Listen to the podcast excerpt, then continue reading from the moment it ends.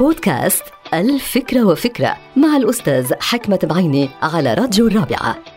التواصل بين الزملاء في أماكن العمل بحقق أهداف عديدة ونتائج مفيدة للشركة والعملاء ولجميع العاملين بالمؤسسة.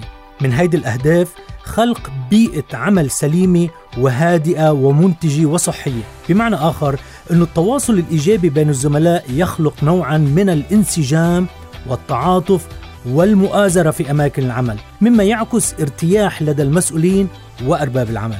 وهذا التواصل الإيجابي بيسمح بكسب الثقة المتبادلة ونشر مبدأ الشفافية فيما بين الزملاء وترسيخ الاحترام الدائم وتعزيز الصداقات بينهم. كما يسمح هذا النوع من التواصل بتسليط الضوء على المشاكل التي تواجه الشركة والحلول الناجعة لتلك المشاكل. الاتصال الإيجابي هو اتصال صريح صادق مبني على النوايا الطيبة ويؤدي في نهاية المطاف إلى الإبداع الإداري والوظيفي على كافة المستويات.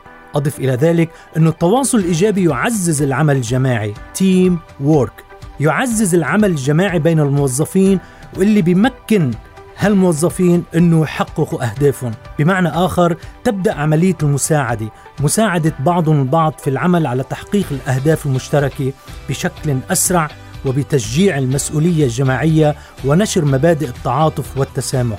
المؤازرة ضرورية في الحياة وخاصة في أماكن العمل. انتهت الفكرة. هذه الحلقة مقتبسة من كتاب الفكرة وفكرة